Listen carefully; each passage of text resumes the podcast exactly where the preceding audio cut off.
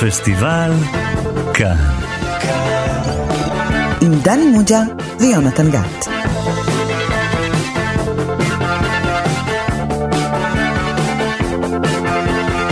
שלום לכם, אתם שוב איתנו בתוכנית הקולנוע הנהדרת של תאגיד השידור הציבורי. אני יונתן גת, ומולי יושב ראש המחלקה לקולנוע בבית ברל, הלו הוא דני מוג'ה. שלום דני. שלום יונתן. דני, האם אתה מרגיש שמחה ואושר כשאתה יושב לצידי בתוכנית הזאת? כמעט. מה זאת אומרת כמעט? אתה רוצה שאני אדייק, אז הייתי אומר שאני מרגיש יותר פחד ואימה. טוב, זה כמובן בגלל שאתה בסך הכל מנסה לעקוץ אותי ולרמוז על זה שאנחנו מדברים היום על הסרט הזה.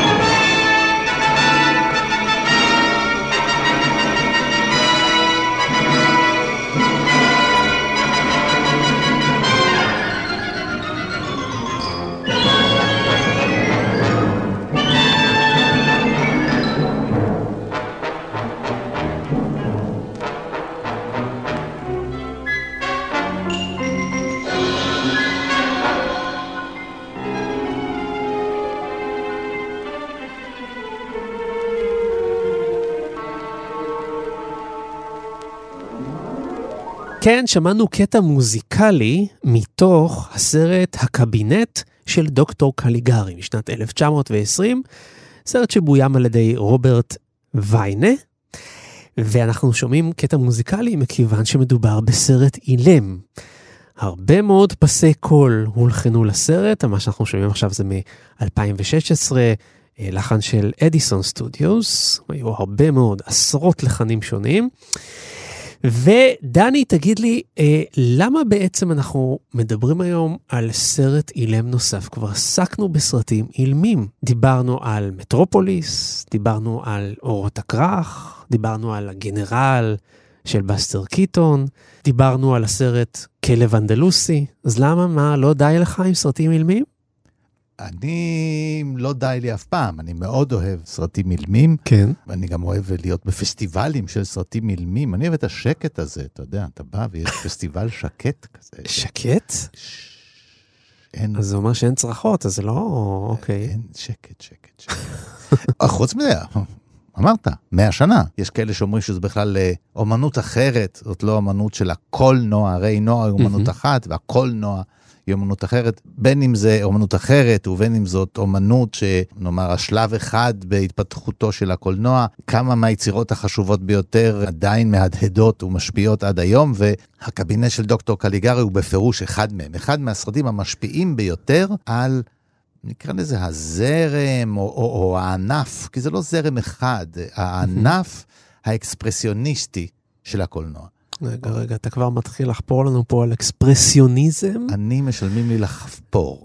אז דני, בוא... כל פעם שאתה, אני מבקש ממך קצת לדעת ולחשוב, אתה מיד חושב שזה לחפור.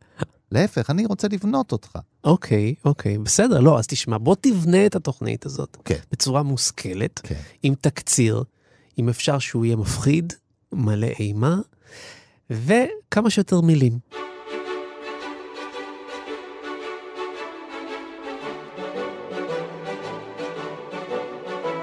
זה סיפורו של אה, איש ירידים כזה, שיש לו איזה מופע כזה. בשם, מופע מוזר. מוש, מופע מוזר בשם דוקטור קליגרי, מהמם. שמבקש רשות בעיירה הזאת, ולא כל כך נותנים לו, קצת אה, נתקל בהתנגדויות בירוקרטיות להקים את ההופעה שלו. ההופעה שלו היא כזו שהוא, יש לו מין אה, דמות שהוא שולט בה בטלפתיה, או שהיא אוטומט כזה, את מין אדם מכונה כזה, מין, מין יצור. פרפסיכולוגיה, אה, אוקיי. טלקינזיס. אנחנו לא יודעים בדיוק איך הוא מפעיל שקר אותו. כלשהו, כן. האם זה... מה, זה כמו השקפת עולם. אבל אה, האם זה אדם אמיתי שהוא מצליח להפעיל, הוא מאופנת וכולי וכולי? בכל אופן, האדם הזה יודע, המופע הוא מופע שבו הוא אה, יכול, אה, למשל, לנבא את העתיד. וגיבורי הסרט הם באים לבלות במופע המשעשע הזה, ביריד, והוא מנבא את אה, מותו של אחד מהם, מהמם. שזה כמובן מאוד משעשע, מה פתאום שאני אמות הערב. וראה איזה פלא, בלילה אכן האיש שלעג למופע הזה מת. כן. פחד. פחד מוות, לא די בכך, יש פחד בעיר, כי בלילה פתאום מישהו מת. אם לא די בכך, אחרי שנלכד מישהו שחושדים בו ובטוחים שזה הרוצח, יש רצח נוסף בעיר. מהמם. כלומר, יש מישהו שכנראה רוצח אנשים וגם חוטף בסופו של דבר את אהובתו של הגיבור. והאיש הזה, האוטומט הזה, או, או האוטומטון הזה, הדמות הזאת שהיא ספק אדם, ספק רובוט, שנשלט על ידי קליגרי, והוא בעצם מבצע מעשי רצח. מהמם. בעיר, וכך מתחיל מעקב, עוקבים אחרי העיר, רוצים לעשות בו לינץ', מחפשים אותו בסופו של דבר, כשתופסים את אה, אה, הסזר, כמובן שזה לא מספיק, סזר הוא הרוצח עצמו, אבל הוא רק שליח, כן? זה רצח by proxy. כן. מגיעים בסופו של דבר לדוקטור קליגרי, ומסתבר שדוקטור קליגרי יש לו מין מאורת אה, כשפים כזאת, כן? כמו רב מאג כזה, והוא התייעץ בספרי...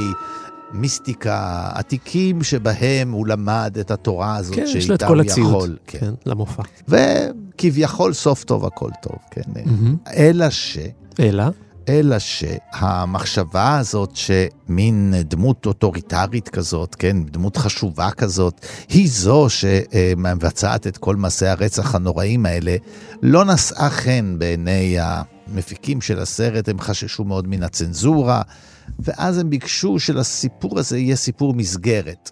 שבעצם מה שסיפרתי לך מתחיל לא כך, מתחיל בבית חולים לחולי נפש, כן, שדומה מאוד לחצר ולמשרד של דוקטור קליגרי שנראה אחר כך, ובית החולים לחולי נפש הזה, אה, יש מישהו שדומה שתי טיפות מים לגיבור הסרט, והוא מגולל את הסיפור שסיפרתי לך. אהה. והוא בעצם אומר שהנה היפהפייה הזאת היא אהובתי, והנה האיש שנחטף, והנה האיש שהוא הרוצח, והנה הפסיכיאטר הראשי שלנו, מנהל בית החולים, הוא בכלל מבצע הרציחות האלה.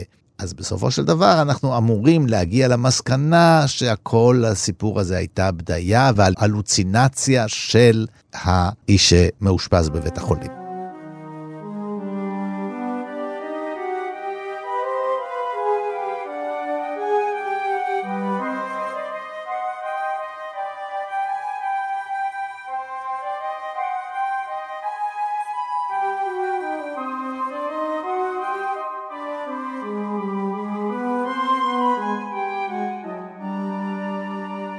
דני מוג'ה, אני מאוד מודה לך על האילוסינציה הזאת שעכשיו אה, סיפרת באריכות. תשמע, דני, כשדיברנו על אה, לבצע תוכנית על הסרט הזה, קודם כל אני חייב להגיד, זאת הפעם הראשונה, אני קודם הקשיתי עליך בשאלות כזב, על למה לנו לעשות עוד סרט אילם. קודם כל, זו פעם ראשונה שאנחנו עוסקים בסרט אילם שהוא אימה לגמרי. אפשר להגיד שמטרופוליס יש בו מוטיבים של אימה, אבל זה יותר עתידני, מדע בדיוני, דיסטופי. אה, גם בכלב אנדלוסי יש רגעי אימה, אבל קשה להגדיר את זה כסרט אימה, כן.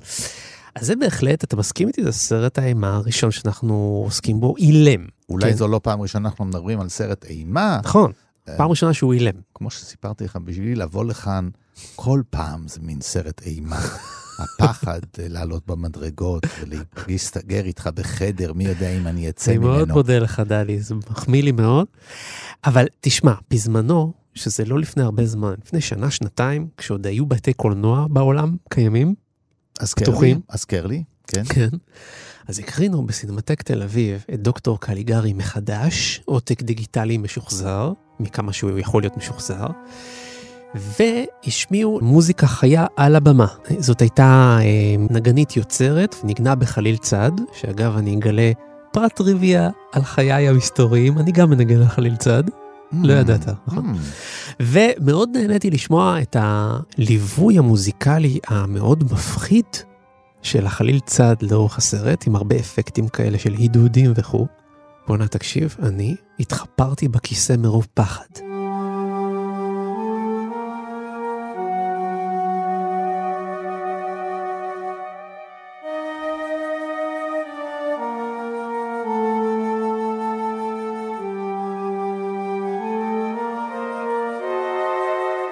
אתה יודע, זה סרט עתיק ביותר. רואים שם את התפאורה, תפאורה כזאת, תפאורה כזאת, ב... זה נראה כזה ברישול מאוד בולט, ותכף נדבר על זה, לא, אני, אני מרים לך להנחתה, דני. איזה רישול. בסדר, תכף נדבר על זה, נו. והכל נראה נורא מוזר, זה נראה מאוד לא קומוניקטיבי במבט ראשון, זה הכל נראה מיושן בטירוף, איפור כבד והוויות פנים כאלה של פעם, כמו של תיאטרון מצולם. וזה בכל זאת עבד עליי, איך אתה מסביר את זה? אני מסביר את זה משום שאתה תיארת בדיוק עכשיו את ההבנה שלך של הסרט, שמיד הבנת אותו, ברגע שאתה מבין את זה, אז הפחד, תראה, סרט אימה, הרבה מן הפחד בנוי לא על התמונה, אלא על הסאונד, mm-hmm. ולהפתעות ולרעש הרועם שעוטף אותך ופתאום מפתיע אותך ומכניס אותך לכל מיני מקומות לא נעימים. יש גם נכון. חזיונות, קלוזאפים, כל מיני דברים שאין בכלל בסרט הזה של אה, דברים פיזיים כאלה שאתה יודע, שמצמררים אותך. Mm-hmm. זה עובד בשיטה אחרת לגמרי. משום ש... גם מה שאמרתי לך, שיש סיפור מסגרת, וכל הדבר הזה זה מין פנטזיה, מין הלוצינציה כזאת, מין מישהו שמדמיין שזה המצב, זה באמת השלכה. הרי מהו אקספרסיוניזם? זה אותה אומנות שאומרת שהאומן מבטא, הקו מבטא משהו, mm-hmm. מבטא בין את האומן או בין את האימה של הדמות שבתוך היצירה הוויזואלית, ו- ומשליך מפנים החוצה. העיוותים האלה שתיארת, התפאורה הלא סימטרית, האסימטרית, המאוד מחודדת, המגובבת, mm-hmm. זאת השלכה של... הנפש. כן, של איך אני מרגיש את העיר הזאת. העיר הזאת נופלת עליי. אתה יודע, בהמשך, מורנה הוא אקספרסיוניסט דגול אחר מן הקולנוע הגרמני של אותם שנים. כשמישהו בורח מבית מלון והוא מפחד שכל המלון רודף אחריו כי הוא גנב משם מדים, אז כשהוא מסתובב אחורה רואים בית מלון שמתכופף לתפוס אותו, כל בית המלון מתכופף, באמצעים אופטיים. זה איזשהי שכלול, כאן האמצעים הם תיאטרליים. מה שתיארת, זה באמת, יש הרבה מאוד תיאטרון. מדוע תיאטרון? הסיבות הן סיבות היסטוריות. בואו נזכור מתי עשו את הסרט. הבכורה של הסרט הייתה ב-1920.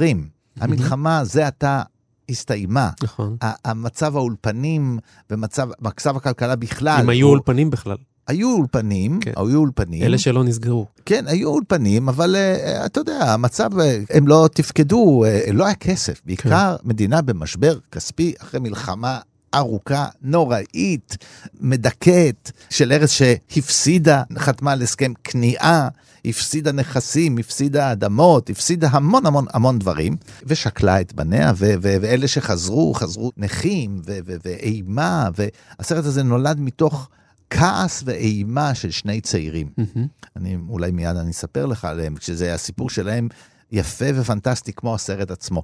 האימה הזאת מתבטאת בסרט, אבל מאחר ולא היה כסף, אז דברים מסוימים, הכל צולם בפנים, Mm-hmm. אמרו, איך נעשה את זה? אז נעשה את זה כמו שעושים את זה בתיאטרון. בתיאטרון יש קונבנציות, אין לנו בעיה כבר, תיאטרון אקספרסיוניסטי כבר היה, היה מחול אקספרסיוניסטי, ומשם שאבו גם את אופי בניית הרחובות, הבמה, השבילים, העיר, הפנים והחוץ, הם כולם, כמו שאנחנו מצוירים, יש איזה מימד דו-ממדי, ואם זה תלת-ממדי, זה תלת-ממדי קטן, כן? הפרספקטיבה היא על במה, מה שאפשר להכניס לתוך אולפן, בלי שתרגיש שיש מרחבים אינסופיים, כמו שקולנוע לפעמים. מעבר לכך, אפילו לתאורה לא היה מספיק כסף. אז חלק גדול מהתאורה מצויר. אם תסתכל על הרצפה, אתה תראה קרן אור. אבל כשהשחקן עומד על קרן האור הזה, הוא לא מייצר את הצל בכיוון שהוא היה צריך. אה, הקרן האור הזאת, או למשל, אה, אם היא עוברת דרך חלון מסורג, אז אנחנו רואים את הסורגים, את הצל של הסורגים על הרצפה. אבל הצל הזה הוא קבוע, הוא לא משתנה, הוא מצויר על הרצפה. זאת אומרת, זו תאורה מצוירת. יותר מכך, יש עוד אלמנטים בתפאורה, השלכות נוספות. אדם רדוף. יש שלב מסוים שדוקטור קליגרי מרגיש שהוא רדוף, ושכולם מחפשים אותו, וצועקים, קליגרי, קליגרי, קליגרי, ולפתע על רחובות העיר, על המסך, המילים האלה, קליגרי, קליגרי, קליגרי, קליגרי, מופיעות. מופיעות, כן. זאת אומרת, בכלל יש הרבה שימוש, בכל הזרם האקספרסיוניסטי, שימוש בכתוביות. שהן מופיעות לא בנפרד, אלא הן מופיעות על הסרט, בטכניקות שונות, באנימציה, בכל מיני טכניקות שאז התנסו בהן וניסו בהן, ומבחינה זאת זה, הוא חלוצי מאוד מבחינת הגרפיקה של הסרט. אה, אנחנו לא מרגישים את החלוציות הזאת, בכל זאת עברו 100 שנה, אבל בכל הבחינות האלו הוא היה ממש חלוצי.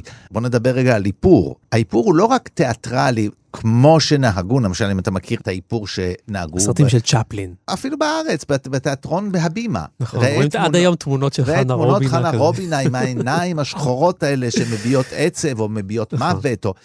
אז כאן האיפור הוא כזה, אבל יותר מכך, האיפור הוא לא רק מודגש. קליגרי עצמו, יש לו מעין כפפות לבנות כאלה, שהן כמו אצבעות ואנחנו לא מרגישים, ועליהם בשחור מצויר השלד שלו. הוא שלד מהלך. כן. הוא שלד המוות שאיתו מהלך. מעמדות לפעמים באים לידי ביטוי דרך התפאורה. כשהוא הולך לעירייה לבקש את האישור, הוא בעירייה כמו בעירייה, הוא בעיקר מחכה, אומרים לו תחכה אדוני, עוד לא הגיע מי שצריך, הוא בהפסקה, כל הדברים שהם אלמנטים נגיד של סאטירה עירונית, בירוקרטית, מוכרת, הוא יושב על כיסא נמוך, והפקיד יושב על כיסא מאוד מאוד מאוד גבוה, מאוד מאוד גבוה, כן? נכון. והוא לא עושה את זה במיוחד בשבילו, זה לא- המצב. ולא כי- בגלל שהוא שגריר טורקי. לא, לא, זה העניין, זה מה שרציתי לרמוז. זאת אומרת, הבירוקרטיה היא גבוה, היא מתנשאת. כן. אז כדי להביע את ההתנשאות, מייצרים כיסא לא טבעי, לא נוח. ברור לכולנו שהוא סמלי, והוא לא הפרקטיקה. יש אלמנטים ריאליסטיים כמובן, יש דברים, יש אה, קוף, יש, אה, יש דברים, אנחנו רואים, אבל אה, יש דברים שהם דומים למה שאנחנו מכירים, התרחשויות מסוימות, יש משטרה, יש עירייה, יש דברים, זה לא פנטזיה שקורית מחוץ לה, זה כביכול קורה במקום שהוא מוכר לנו.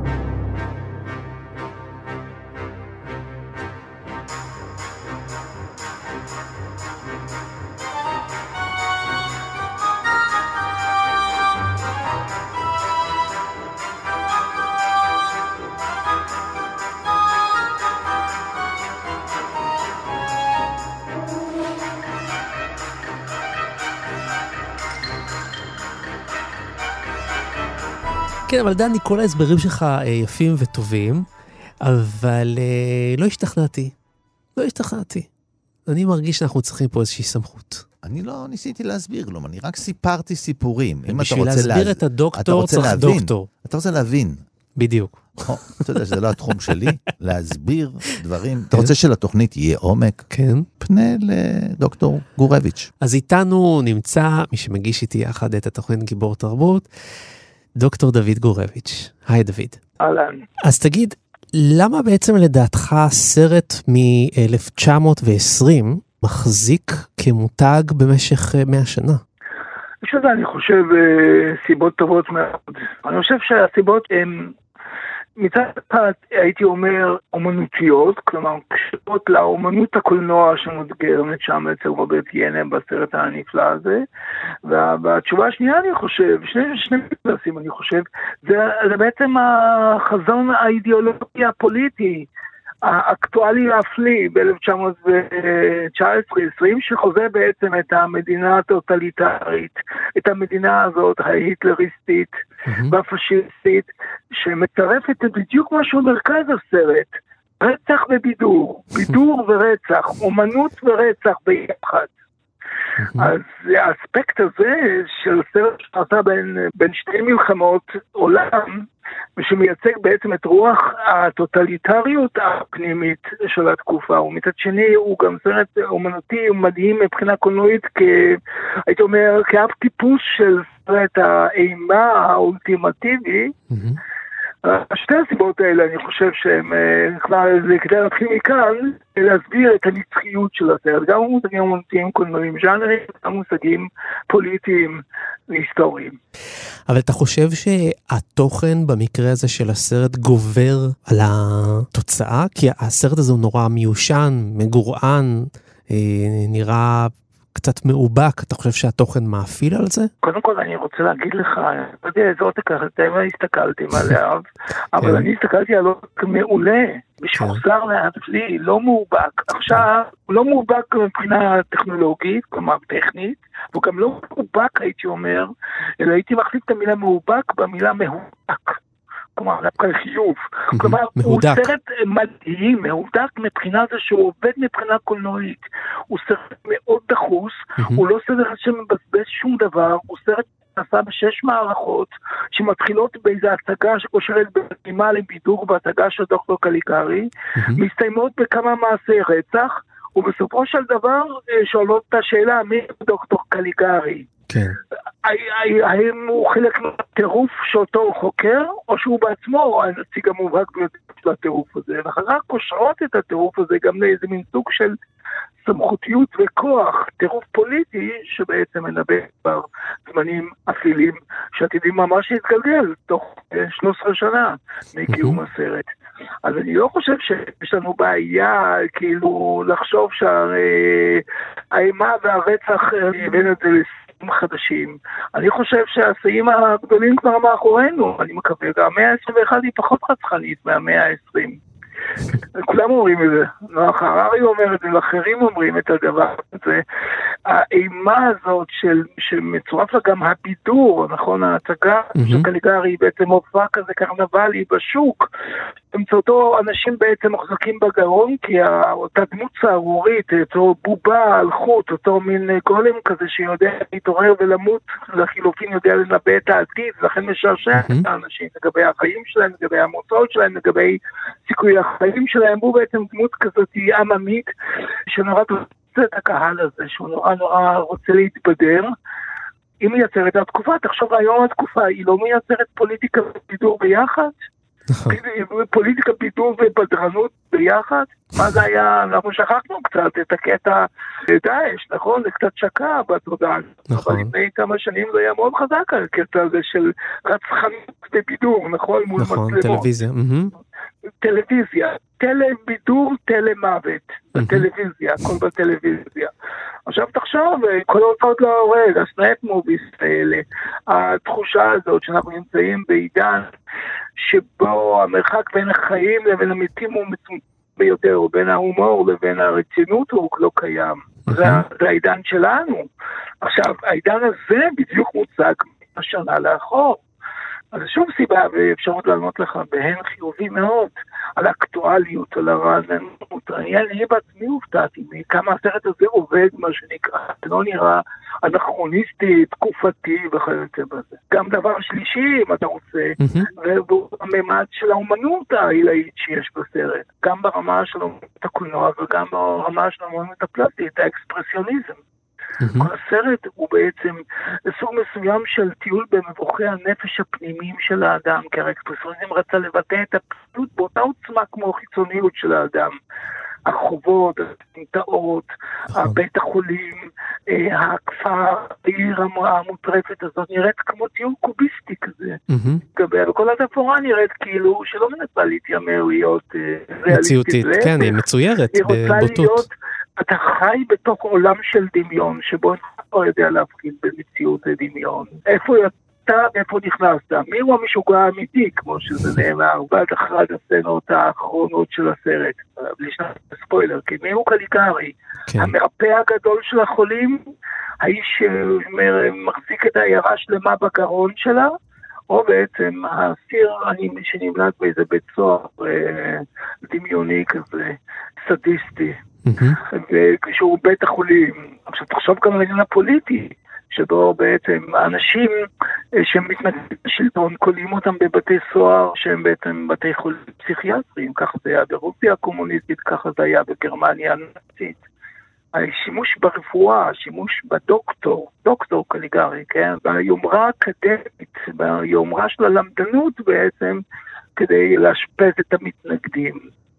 קליגרי הוא דמות מעוותת ושטנית מדי, ששולטת בעצם בעיר שלמה. עכשיו, לא יודע איפה האסוציאציות שלך, זה משאיר לך כמובן אה, דברים מאוד מאוד ברורים מבחינה פוליטית. לכן הסרט עובד כל כך מבחינה פוליטית. הוא עובד, כמו שאמרתי, גם מבחינה אומנותית, הסברתי גם, נקודת המבט של האסתטיקה נקודת המבט של ההורופילד. אחר כך, אם אתה רוצה, עובד גם מבחינה שלישית, במובן שהאייקונים הכי מפורסמים של לא נולדים שם. למשל, הרוצח, הדין הנפש שנושא את הגבייה מעל הגגות של העיר, נכון? באחת הסצנות מפורסמות. אחר כך זה מצוטט בקוצילה, זה נכון. מצוטט בקינג קונג, וכיוצא בזה. או סצנת הרצח המפורסמת של סיזר שנועץ את הסכין שלו, כן? בהלם, בהתחלת הסרט, כן? כאשר הוא בא בעצם להרוג אותו. רואים את הכל בהשתקפות של תיאטרון צלליות, מאוד צללים כזה, נכון? כן. פריצה כזאת, לאט לאט הוא הולך, מתקרב למיטה, ואז הוא נועץ את הסכין הזאת. ולמה אתה רואה מול העיניים שלך? חוץ מהסצנה הזאת. אתה כמובן רואה סצנת המקלחת של אישקו. נכון. עם אותה סכין, פחות או יותר באותה זווית ננעצת וננעצת וננעצת בגובה. במקרה הזה הוא הורג את ה... אתה זוכר, את אלן ומוותר, או איכשהו בחיים, לא מסוגל להרוג את ג'יין. כנראה בגלל שהוא מאוהב באותו ספר. כן. עכשיו, גם העניין הזה של המפלצת, הפרנקנשטיין, שהוא בעצם אף טיפוס, נכון. היפה והחיה, כן, המפלצת והאישה, או אם אתה רוצה, הערפד שרוצה בעצם אה, להיות בקשר אירוטי עם אנשים, כי למצוץ אותם, את הדם מהם. כל האייקונים האלה נמצאים כאן, וכמובן כל הסרט מטרופוליס נמצא כבר פה. בדיוק, אתה זוכר שדיברנו על מטרופוליס. ב-1927, כשדיברנו כן, על מטרופוליס, כשדיברנו, אז דיברנו בדיוק על הדברים האלה, ועכשיו... אבל לגמרי, רואים את הזרעים של מטרופוליס כבר בסרט הזה חד משמעית, גם מבחינת התפאורה, גם מבחינת העריכה, גם מבחינת המחשבה שהכל הולך להשתבש. בדיוק. שהרע ממש נמצא בסמטת כל פינת רחוב. אתה צודק, אתה אמרת את מילת המפתח פה, אני חושב, וזו המילה רוע. זה בעצם אנליזה של הרוע הפוליטי ואנליזה של הרוע המטאפיזי. משהו כזה פילוסופי ושטני במובן העמוק של המילה נמצא שם בסרט. יש ממד פוליטי. האיש שמחזיק עיירה שלמה בגרון באמצעות רצח ומעשי ליצנות וקרנבל, או הסדרות של בידור ורצח, ויש איזה מימד נפשי פה, אתה יודע, איך מתחיל הסרט, אתה אומר, יש בקרבנו המון המון רוחות כאלה, נפשות שמשוטטות שם. חוץ מהמציאות הרגילה היומיומית שאנחנו מכירים אותה, שאנחנו קוראים לזה ריאליזם, יש בעולם איזה עולם סמוי נוסף שמלווה אותנו, שהוא עולם של הנפש המעוותת, ושל העולם של הצעקה. נכון? של הסטייה. אם אתה זוכר את התמונה הראשונה של סיזר שהוא מציג לאנשים על פלקט כזה, בעיירה, דוקטור קליגרי, היא מאוד דומה לדמות המעוותת הזאת, העוברית הזאת של הצעקה. נכון, של מונק. המפורסמת של מונק, נכון? אז אם סרט כזה הוליד כל כך הרבה אייקונים, והשפיע כל כך מבחינת המחשבה הפוליטית שלנו, וגם עובד נהדר כבידור, כלומר כסרט אימה למהדרין, מה אנחנו יכולים לבוא אליו בטענות בכלל? אני חושב שהתשובה כבר נמצאת בגוף הסרט, כלומר אנחנו עונים כן רבתי על השאלה אם הסרט החזיק, מה שנקרא, בשיני הזמן. הזמן רק עשה לו טוב, הטירוף ממשיך, נכון, הטירוף הוא קצת אחר, הטירוף פוליטיקה וקרנבל, זה נקרא דואר טראמפ, לא? לדוגמה, נכון, הוא לא רצני כל כך, אבל בסדר, אבל הרעיון הזה של פוליטיקה ובידור... תשמע, דוד, הוא, הוא, הוא זה שאמר שהוא יכול לעמוד באמצע הרחוב, לירות במישהו למוות ועדיין יצביעו לו. זה מזכיר קצת את המומיה של... המומיה ששולטת בעיירה. אני גם מקבל, אני מקבל את האסוציאציה הזאת, היא נשמעת לי מאוד מאוד רלוונטית. ברגע שאתה עושה את המעשה הנורא באמצעים אמצעים רטוריים, בידוריים מדליקים, הקהל שולט לך לעניין המוסרי. הוא הולך אחרי השעשוע, הוא הולך אחרי הבידור הזול. איך מתחיל גליגרי? הוא הולך את העירייה, אתה זוכר? לקבל רישיון. כן. ואיפה יש מפתים? כמו אצל קפקא. למעלה, ככה יושבים על כיסאות, נכון, ככה, כאילו, נכון, נכון. ערפדים, חצי ערפדים, חצי מלאכים שיושבים למעלה. אגב, גם השוטרים יושבים למעלה, הוא חושב על שני במות כאלה. ותמיד קופצים כמו זוג כזה. כן. ואז הם יורדים למטה. תמיד הם זוג. למה הם זוג? כי יש פה את הנושא של הדופלגנגר, כלומר הכפיל במיתולוגיה הגרמנית ובקולנוע הגרמני. הדופלגנגר, הכפיל, המאיים, הגותי הזה, זאת אומרת, כל אדם יש לו כפיל. זהו, כשאתם עושים דופלגנקר בפייסבוק שלכם, אל תשכחו שזה מגיע גם מדוקטור קליגרי, כן? ועוד קודם לכן נכון. בספרות הגרמנית. בדיוק. כן. ועוד לפני זה, כמובן ברומנטיקה הגרמנית, מהמם. וכמובן בסרט זה מתבטא בכל צד ושעל. שני כאלה שוטרים, ז'נדרמים, כאלה שומרים, כאילו יושבים בכיתות מוקפאים ומוקפצים לחקירה הפלילית. שניים הם כמובן הפקידים, וקליגרי הוא שניים. כן, יש שני קליגרי. יש קליגרי בתוך קליגרי בתוך קליגרי. כן. יש את הקליגרי, אם אתה זוכר, הראשון, שהוא כביכול קליגרי ציפורי מאיטלקי, איזה דוקטור קליגרי שהיה מציג דמות כזאת, ש- שבעצם היא בעד העתיד, ובספר עתיד. הוא נמצא, הקליגרי, זה סוג של היסטוריה רחוקה, ופתאום הספר הזה מתקיים באופן מעשי בתוך המציאות הגרמנית הזאת. המודרנית העכשווית, פתאום אותו כפיל, שהוא כפיל של הספר, מתחפש בכלל למישהו אחר, כאשר יוצא מנהל בית חולים אחר לגמרי. נכנס למה שנקרא קליגרי ויצא מישהו אחר, בא כן. מישהו אחר שטוען שהוא לא יודע מי זה קליגרי, אומר לאיש האמיץ שרוצה בעצם לחשוף את פרצופו האמיתי של קליגרי, שהוא מטורף, וסוגר אותו בבית סוהר. איך זה נגמר? באקורד מצלצל נורא ואיום. של ניצחון הרוע. כן, הכפיל מתחפש למישהו אחר, כל הזמן מצליחים להתחפש, ואז הכוחות של הטוב, הכוחות של הקנאה, שבדמותו של הבחור הזה, שהוא כמו בלש מהעט כזה, שמחפש להגיע ולהבין ולחקור את דמותו האמיתית אה, של קליגרי, האדם הזה רוצה לחשוף את האמת, הוא בסופו של דבר שנכלא על ידי קליגרי המתחפש, קליגרי המזויף, מין דמות של בובה של קליגרי, צעיר יותר, נראה אחרת קצת, מהמם. והוא זה ששם אותו בסופו של דבר בכותרות המשוגעים. יש לך שוב את הגלגולו של הדוב והגר, ואין ספור מערכות שמכפילות את עצמן, כאשר אתה שוב לא יודע איפה אתה נמצא, באיזה מציאות. מה שכל כך מטורף בסרט זה שאת המציאות הזאת ראינו וכבר את הדוקטור קליגרי, מציאות שמצרפת בין אותו דור לבין אימה פוליטית, טוטליטרית. מהמם. ראינו את זה בתחילת המאה ה-20, ראינו את זה עם היטלר, ראינו את זה עם מוסליני, וצר לי לומר שאנחנו רואים את זה גם בימינו, נכון. בפחות צבא קיצונית, בפחות סממנים רצחניים, אבל עדיין, זה אותו רעיון של כוח ובידור שמצטרפים ביחד כדי להשיג מטרות, ולא חשוב כמה הן אבסורדיות.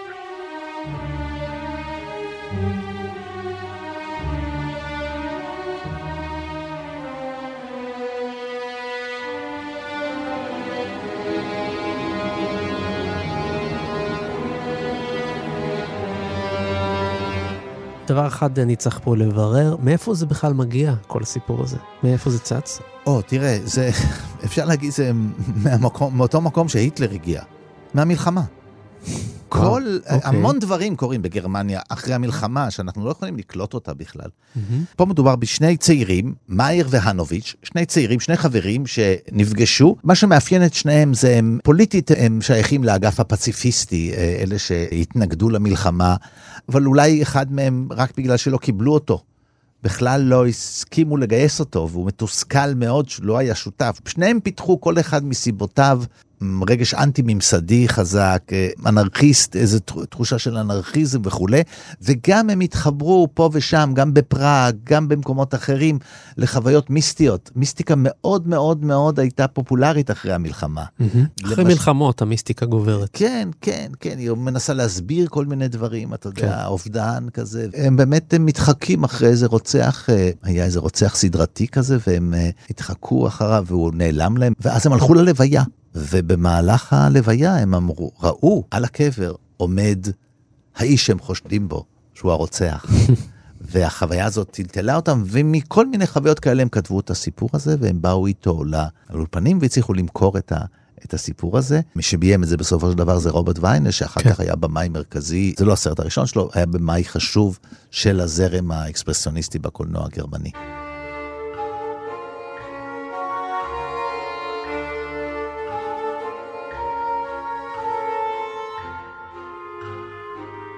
אני חושב שאחד הדברים המרתקים בסרט זה כמובן הצד של האומנות שלו, של הארט שלו. Mm-hmm. כלומר, הצד האוונגרדי שלו, היכולת שלו לקחת בעצם את אומנות האקספרסיוניזם, שהיא אומנות של קברטים נידחים ואפלוליים, mm-hmm. שהיא אומנות של הנפש המתייסרת האנושית, וגם האומנות שהיא מאוד מאוד עירונית כזאת, שרואה, מראה כל הזמן את, את המצב של ההמון הפגיע כל כך. הסמטאות, הרחובות, הפרוז'קטורים, פנסי רחוב. כן. את הרחובות, את הבידור הזול, את הברים האלה. ולתרגם את כל האווירה הכללית הזאת, שזאת האווירה של 1919, אנחנו כבר נמצאים אחרי הדאדה, אנחנו כבר נמצאים אחרי תקופת הפרש הכחול, שזה זרם אקספרסיוניזם הגרמני, mm-hmm. אנחנו נמצאים uh, כבר אחרי יצירות המופת של האקספרסיוניסטים, ועוד יבואו אחר כך, ולתרגם את כל האווירה האומנותית הזאת, הלגמרי לגמרי מסוגננת, לסרט, שבסופו של דבר סרט שעוסק בבידור האמיתי של סרט האימה. מי הוא הרוצח?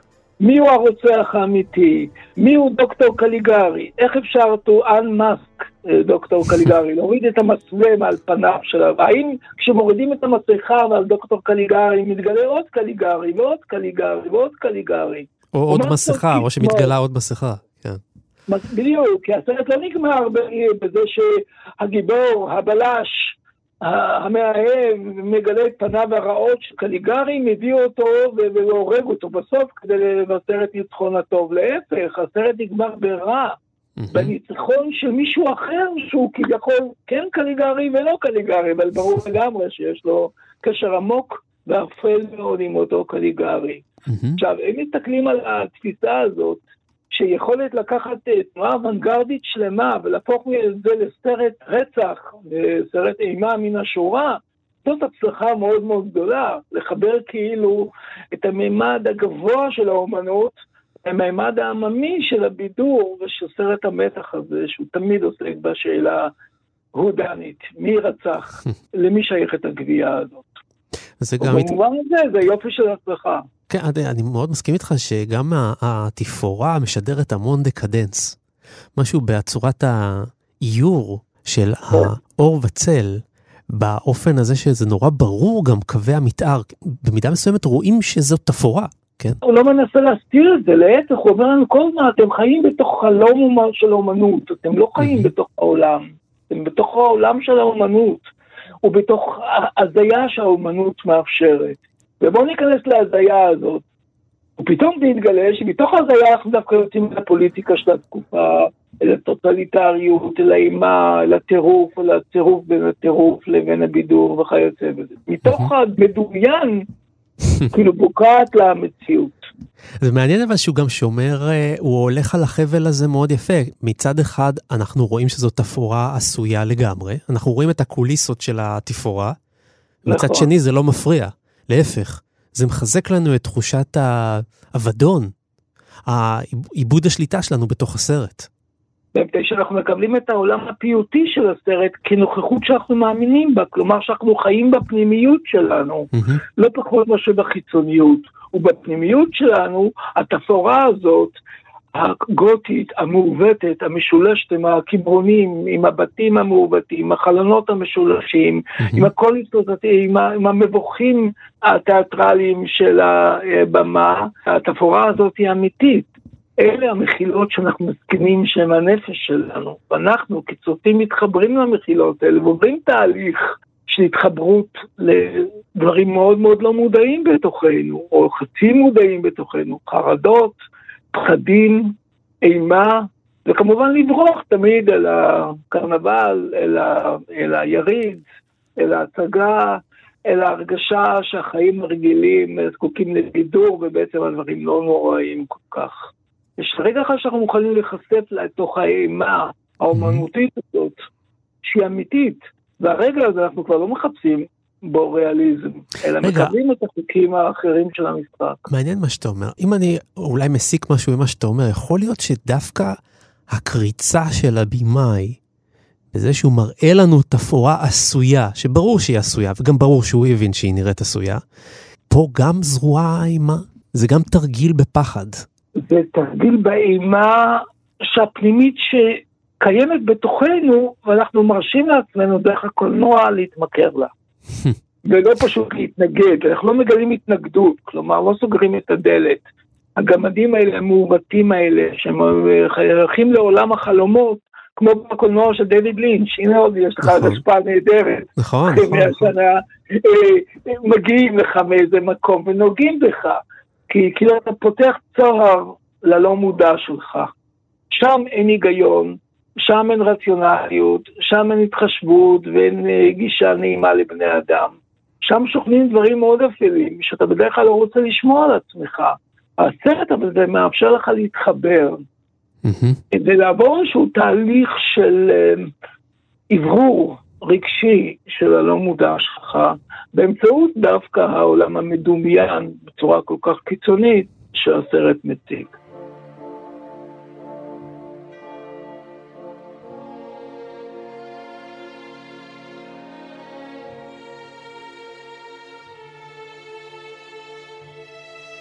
מכל הז'אנרים, סרט האימה הוא הסרט אה, אולי שסובל יותר מכל אה, בחלוף השנים. כאילו, מה שהפחיד פעם, לעומת קינג קונג היום אה, פחות מפחיד מאשר היום הסרט של אז. איזה חוויה אנחנו אמורים לחוות ככה, כשאנחנו צופים אני- היום בקליגרי? כן, אני חושב שאנחנו צופים עדיין את זה בצורה מאוד חזקה, את הרעיון של האימה.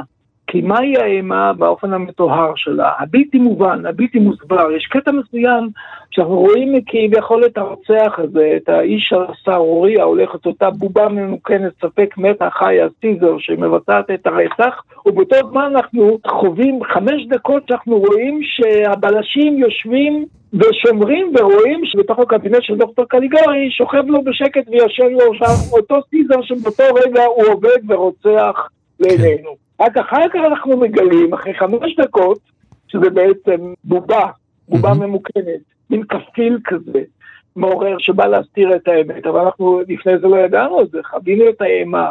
אין דבר שיותר מחולל אימה מהבלתי מוסבר והבלתי מובן.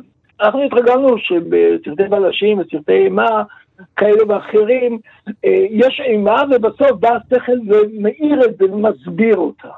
פה נכון. כביכול אנחנו נמצאים במצבים שבהם אי אפשר להסביר, כמו למשל בקולנוע של דיוויד לינץ', אני שוב עושה אסוציאציה כאילו חופשית, תחשוב על סרט כמו Lost Highway, כביש אבוד. אחד האהובים עליך, של דויד לינץ', גם עליי. בדיוק. שם, כאן קורה דבר שמזכיר לי מאוד באופן אנלוגי את דוקטור קליגרי, והוא הרעיון של דמות שהופכת לדמות אחרת לגמרי, ולא מבינים איך זה קרה.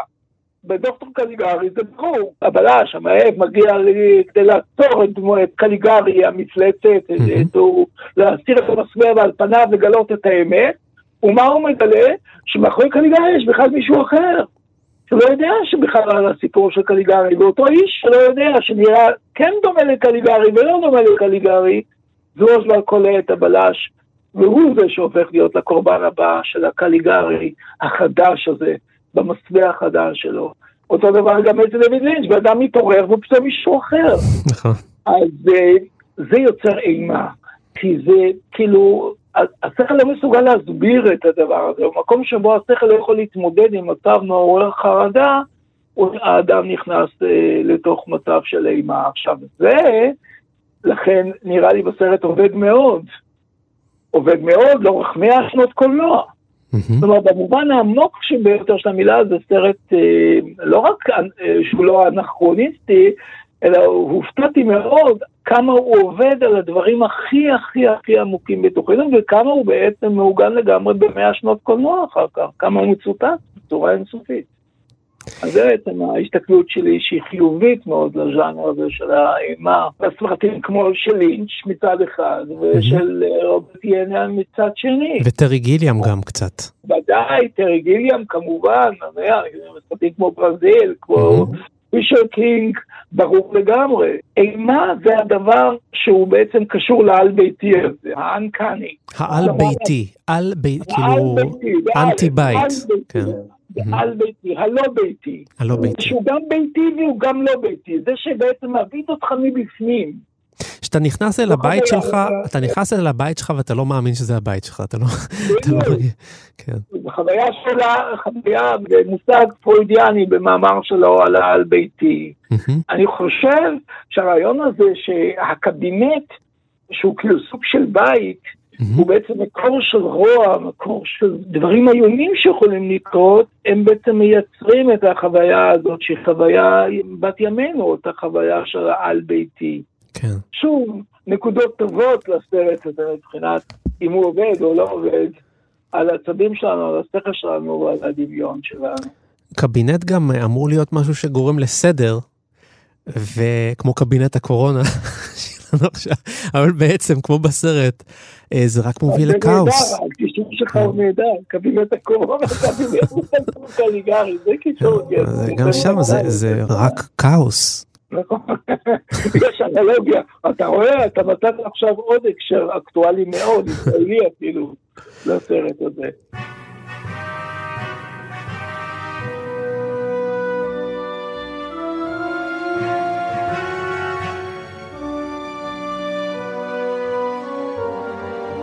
הסרט הזה, לא ידעו איך להוציא אותו בהתחלה. לא ידעו, הם לא ידעו מה לעשות איתו. הוא היה כל כך חדשני, לא ידעו מה לעשות איתו. ומה שעשו בעצם, הציגו אותו מחוץ לגרמניה. בתחילת הדרך. כן, מה שקרה זה שלאט לאט מדינות אירופה פתחו את הבתי קולנוע שלהם לתוצרת גרמנית. הייתה מלחמה, במהלך המלחמה הם לא הראו סרטים גרמנים. גרמניה הייתה האויב, כן?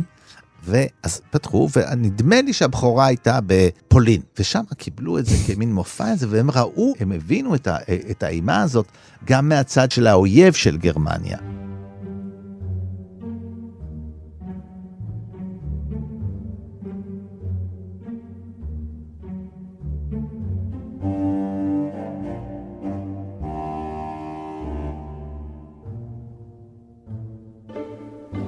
סיימנו, אבל זה לא הכל, כי לפסטיבל כאן יש עוד עשרות תוכניות קולנוע שהקלטנו ושידרנו עד היום, וביניהם על עוד סרט ממוצא גרמני, הלא הוא מטרופוליס. גם שם היה איתנו דוקטור דוד גורביץ', וכמובן עוד הרבה מאוד תוכניות, כולם יהיו לרשותכם. אתם יכולים לעשות את זה מכל אפליקציית פודקאסטים שאתם רוצים, או באפליקציה של כאן, ופסטיבל כאן יהיה לרשותכם. אנחנו רוצים להודות לטכנאית שלנו ומי שערכה טכנית את התוכנית, חן עוז הנפלאה. תודה רבה לאבי שמאי ולצח סלוצקי שהביאו אותנו כאן לשידור, ותודה רבה לדוקטור, הדוקטור הטוב של התוכנית, דוקטור דוד גורביץ', תודה, תודה שהיית איתנו. תודה רבה. אני הייתי יונתן גת, ותודה רבה לך, דני מוג'ה, שהיית איתי. תודה רבה לך. ואני אשמח אם תוכל לחזור אלינו בשבוע הבא, רק הפעם אה, בצורה אילמת. אפשרי? בהחלט, אני, בהחלט אני מוכן לשתוק. ברגע שאתה תתחיל להגיד דברי טעם, אני לא אוציא מילה מהפה. יפה. בואו ננסה את זה בשבוע הבא עם הסרט הבא. להתראות.